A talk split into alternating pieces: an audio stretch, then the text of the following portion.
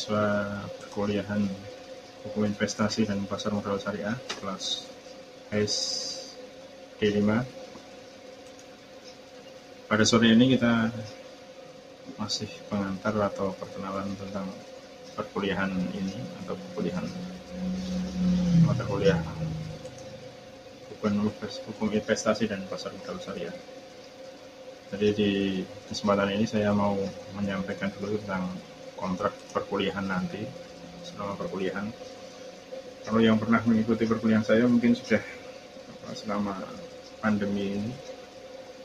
Jadi ada materi yang saya share atau saya bagikan nanti termasuk PowerPoint kemudian bentuk audio untuk bisa Anda simak uh, secara offline ya atau mau disimak secara online tanpa menunggu juga bisa mungkin nanti saya share di di classroom classroom yang sudah kita buat.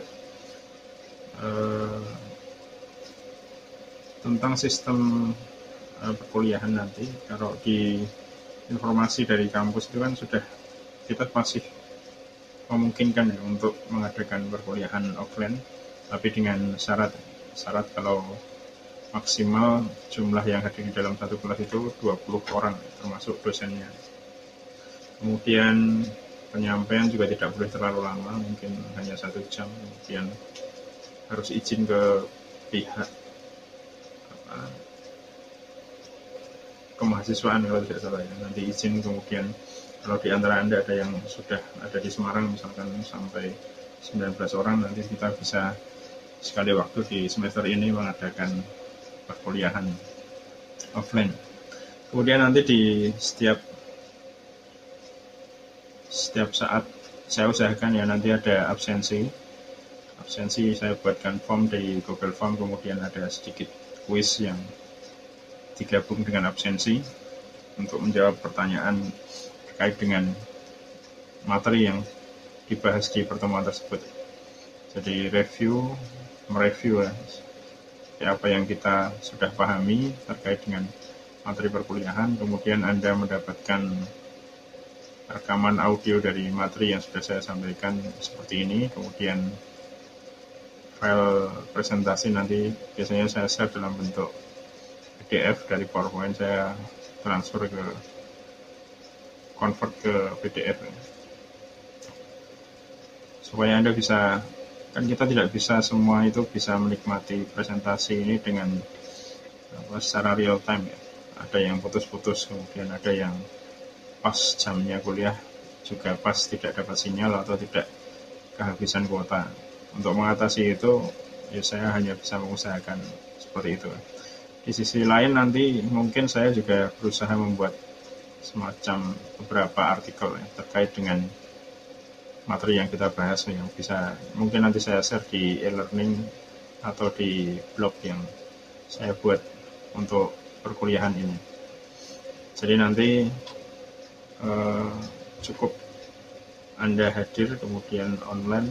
Kalau Anda berhalangan untuk bisa online di hari ini, Anda bisa mengikuti perkuliahan di mata kuliah yang sama di SC5 di hari Kamis jam 4 jam 4 sore.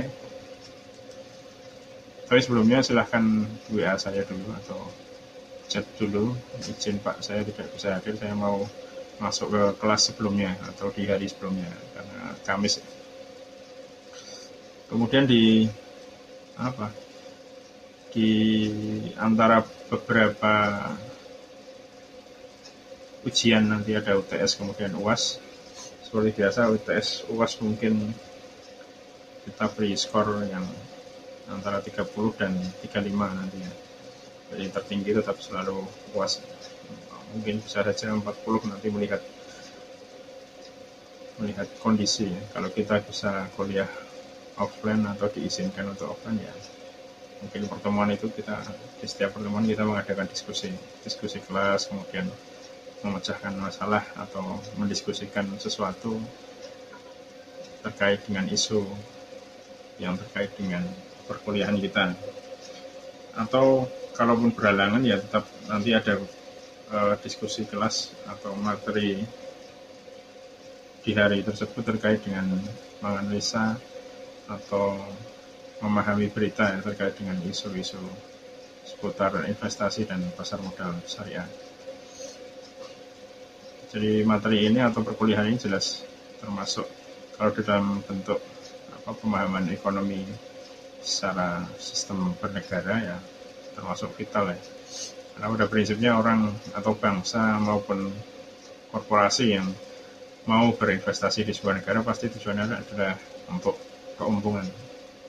Keuntungannya bisa bermacam-macam termasuk keuntungan karena apa? Yang pertama yang sering kali dilirik adalah karena murahnya uh, sumber daya manusia. Kemudian tentu biaya produksi jadi banyak terpangkas karena sumber daya manusia ini kan juga termasuk biaya yang apa, rutin dikeluarkan perusahaan dan tergantung dari kapasitas jumlah pekerjanya tentu semakin besar ya semakin banyak yang harus di share apa jumlah uangnya itu harus spare lebih besar kalau semakin banyak karyawan maupun pekerjanya. Yang kedua tentu dari segi melimpahnya dan tentu murahnya sumber daya atau materi atau sumber daya alam atau materialnya yang tersedia di sekitar tempat yang diinvestasi tersebut. Kemudian yang ketiga tentu karena biasanya ada ada tren ya. Misalkan di Indonesia seperti apa? Seperti produk handphone misalkan ada handphone merek baru dari sebuah negara kemudian ternyata dalam waktu singkat itu cukup populer di sebuah negeri seperti misalkan di Indonesia yang mungkin perhitungan mereka cukup konsumtif kemudian membuka peluang bagi mereka untuk lebih cepat memasarkan. Tentu mereka lebih terdorong untuk pengen cepat-cepat membuka pabrik atau produksi tempat produksi maupun kalaupun tidak terpercaya dalam hal uh, menyediakan atau berinvestasi dalam bentuk apa manufaktur. Bisa jadi jadi ada distributor resmi atau official market apa official marketplace di sana atau di sebuah negara itu sehingga apa pemasaran dan produksi kemudian after sale service-nya itu lebih cepat terlayani dan itu meningkatkan potensi uh, peningkatan pembelian atau semakin baik posisi penjualannya di negara tersebut. Jadi sering kali ya itu poin-poin yang sering dilirik. Kemudian di sisi lain tentu ada juga keuntungan-keuntungan yang di, bisa didapatkan dari sebuah negara yang dijadikan lahan investasi oleh para perusahaan tersebut. Jadi investasi juga alasannya macam-macam. Kemudian mereka yang menerima tentu tidak apa spontanitas mau menerima semua loss gitu kan tentu tidak. Pasti mereka juga selektif. Setiap negara pasti juga melihat uh, penting atau tidaknya sebuah industri itu dibangun di kawasan mereka. Kemudian itu yang umum ya. Kemudian mereka juga memperhatikan misalkan seperti uh, transfer teknologi misalkan di negara kita belum ada apa teknologi uh, merakit solar panel misalnya panel surya misalkan yang misalkan sebelum kalau sekarang mungkin sudah ada walaupun sebagian barang atau onderdilnya atau instrumennya mungkin masih impor. Kemudian panel surya ini eh, diharapkan bisa menjadi alternatif apa sumber teknologi dan sumber apa sumber daya listrik alternatif dan prioritas mungkin ketika sebuah negara merencanakan demikian tentu yang diharapkan adalah ada sebuah perusahaan yang bisa memproduksi atau membantu mengasis lah paling tidak sebuah panel surya. Kemudian terjadilah nanti secara perlahan bertahap transfer teknologi. Pihak yang apa? Pihak yang menjual atau produsen negara asal itu bisa menjual lebih banyak kemudian dibuka peluang untuk menggunakan panel surya misalkan di negara tersebut dengan syarat harus diproduksi di negara kita misalkan. Kemudian perlahan nanti ada apa transfer teknologinya itu bisa melalui mendidik eh, tenaga-tenaga atau sumber daya manusia lokal untuk dididik bisa memproduksi dari tahap paling awal di manufaktur kemudian sampai ke tekniknya di segi pendidikan, edukasi tentang pengembangan dan optimalisasi dari uh, fungsi panel surya itu di dalam keseharian. Nanti perlahan-lahan akan ada apa transfer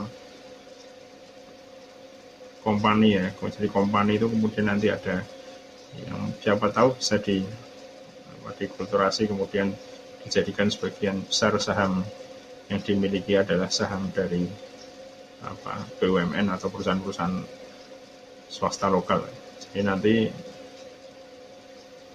akan lebih besar potensi warga-warga atau masyarakat lokal itu menguasai teknologi yang baru tersebut. Itu yang salah satu apa yang dilihat dari kemudian dari ini ya investasi kemudian di sisi lain tentu yang paling pokok maupun yang paling apa yang paling primer dalam bisnis itu kan sering kali yang dilihat adalah keuntungan. Seorang profit itu baik dilak, eh, diharapkan oleh pihak investor maupun yang menjadi lahan investasi itu tentu adalah profit. Negara yang menjadi lahan investasi tentu juga melihat peluang profit itu keuntungan apa juga dikalkulasi itu juga pasti menjadi salah satu faktor bagaimana investasi itu terlihat penting dan perlu di atau berpotensi positif bagi perkembangan ekonomi sebuah negara. Kemudian yang kira-kira umum adalah juga apa uh, seberapa besar pengaruh sebuah industri itu untuk eksis atau apa menjadi bagian dari sebuah komunitas itu dalam jangka yang lebih panjang. Nah ini tentu juga masuk dalam ranah pertimbangan apa hukum Islam. Karena ketika sebuah investasi itu ternyata punya dampak yang negatif dalam prinsip-prinsip hukum Islam atau syariah tentu hal ini perlu dipertimbangkan lagi. Misalkan awalnya menguntungkan tapi kemudian secara apa dalam pertimbangan hukum Islam maupun hukum nasional dilihat ternyata potensinya semakin negatif juga ada. Misalkan berbagai penambangan alam eksploitasi yang perlahan merusak alam kemudian meracuni habitat dan sebagainya. Nah ini kemudian uh, salah satu hal yang mungkin nanti kita bahas banyak dibahas di dalam pembahasan mata kuliah ini karena sorot mata kacamatanya adalah terkait dengan hukum nasional maupun hukum Islam. Pembahasan ini nanti bisa disampaikan dalam seperti rencana tadi baik dalam audio maupun dalam bentuk PowerPoint yang saya bagikan nanti. Kemudian nanti kalau ada pertanyaan terkait dengan kuliah, misalkan kebetulan Anda tidak bisa hadir di dalam mat, uh, penyampaian materi secara online, Anda bisa menanyakan misalkan ada pertanyaan terkait dengan apa yang sudah disampaikan secara audio, Anda menyimak audio, ternyata ada yang perlu Anda pertanyakan, perlu Anda tanyakan, kemudian ada hal-hal yang sekiranya itu perlu diluruskan Anda bisa menyampaikan baik di classroom nanti karena materi apa audio maupun uh, presentasinya saya share juga di di Classroom. Anda bisa tanyakan di, tanyakan di sana atau bisa langsung di grup di grup WhatsApp maupun ke saya secara langsung untuk pertanyaan-pertanyaan yang mungkin Anda butuh jawaban panjang, lebar. Ya harapannya kalau itu butuh penjelasan panjang nanti bisa saya sampaikan juga di dalam bentuk audio. Jadi nanti sistem absensi tergantung kepada ini ya nanti di tiap-tiap teman saya jawab buat saya usahakan buat form kemudian ada beberapa poin pertanyaan kemudian itu jadi bagian dari nilai tugas kemudian nanti di UAS UTS kira-kira nanti ada pilihan ganda ya, dominan pilihan ganda. Mungkin kalau ada ISA ya hanya dua tiga uraian kemudian nanti ada tugas tapi tidak ada presentasi.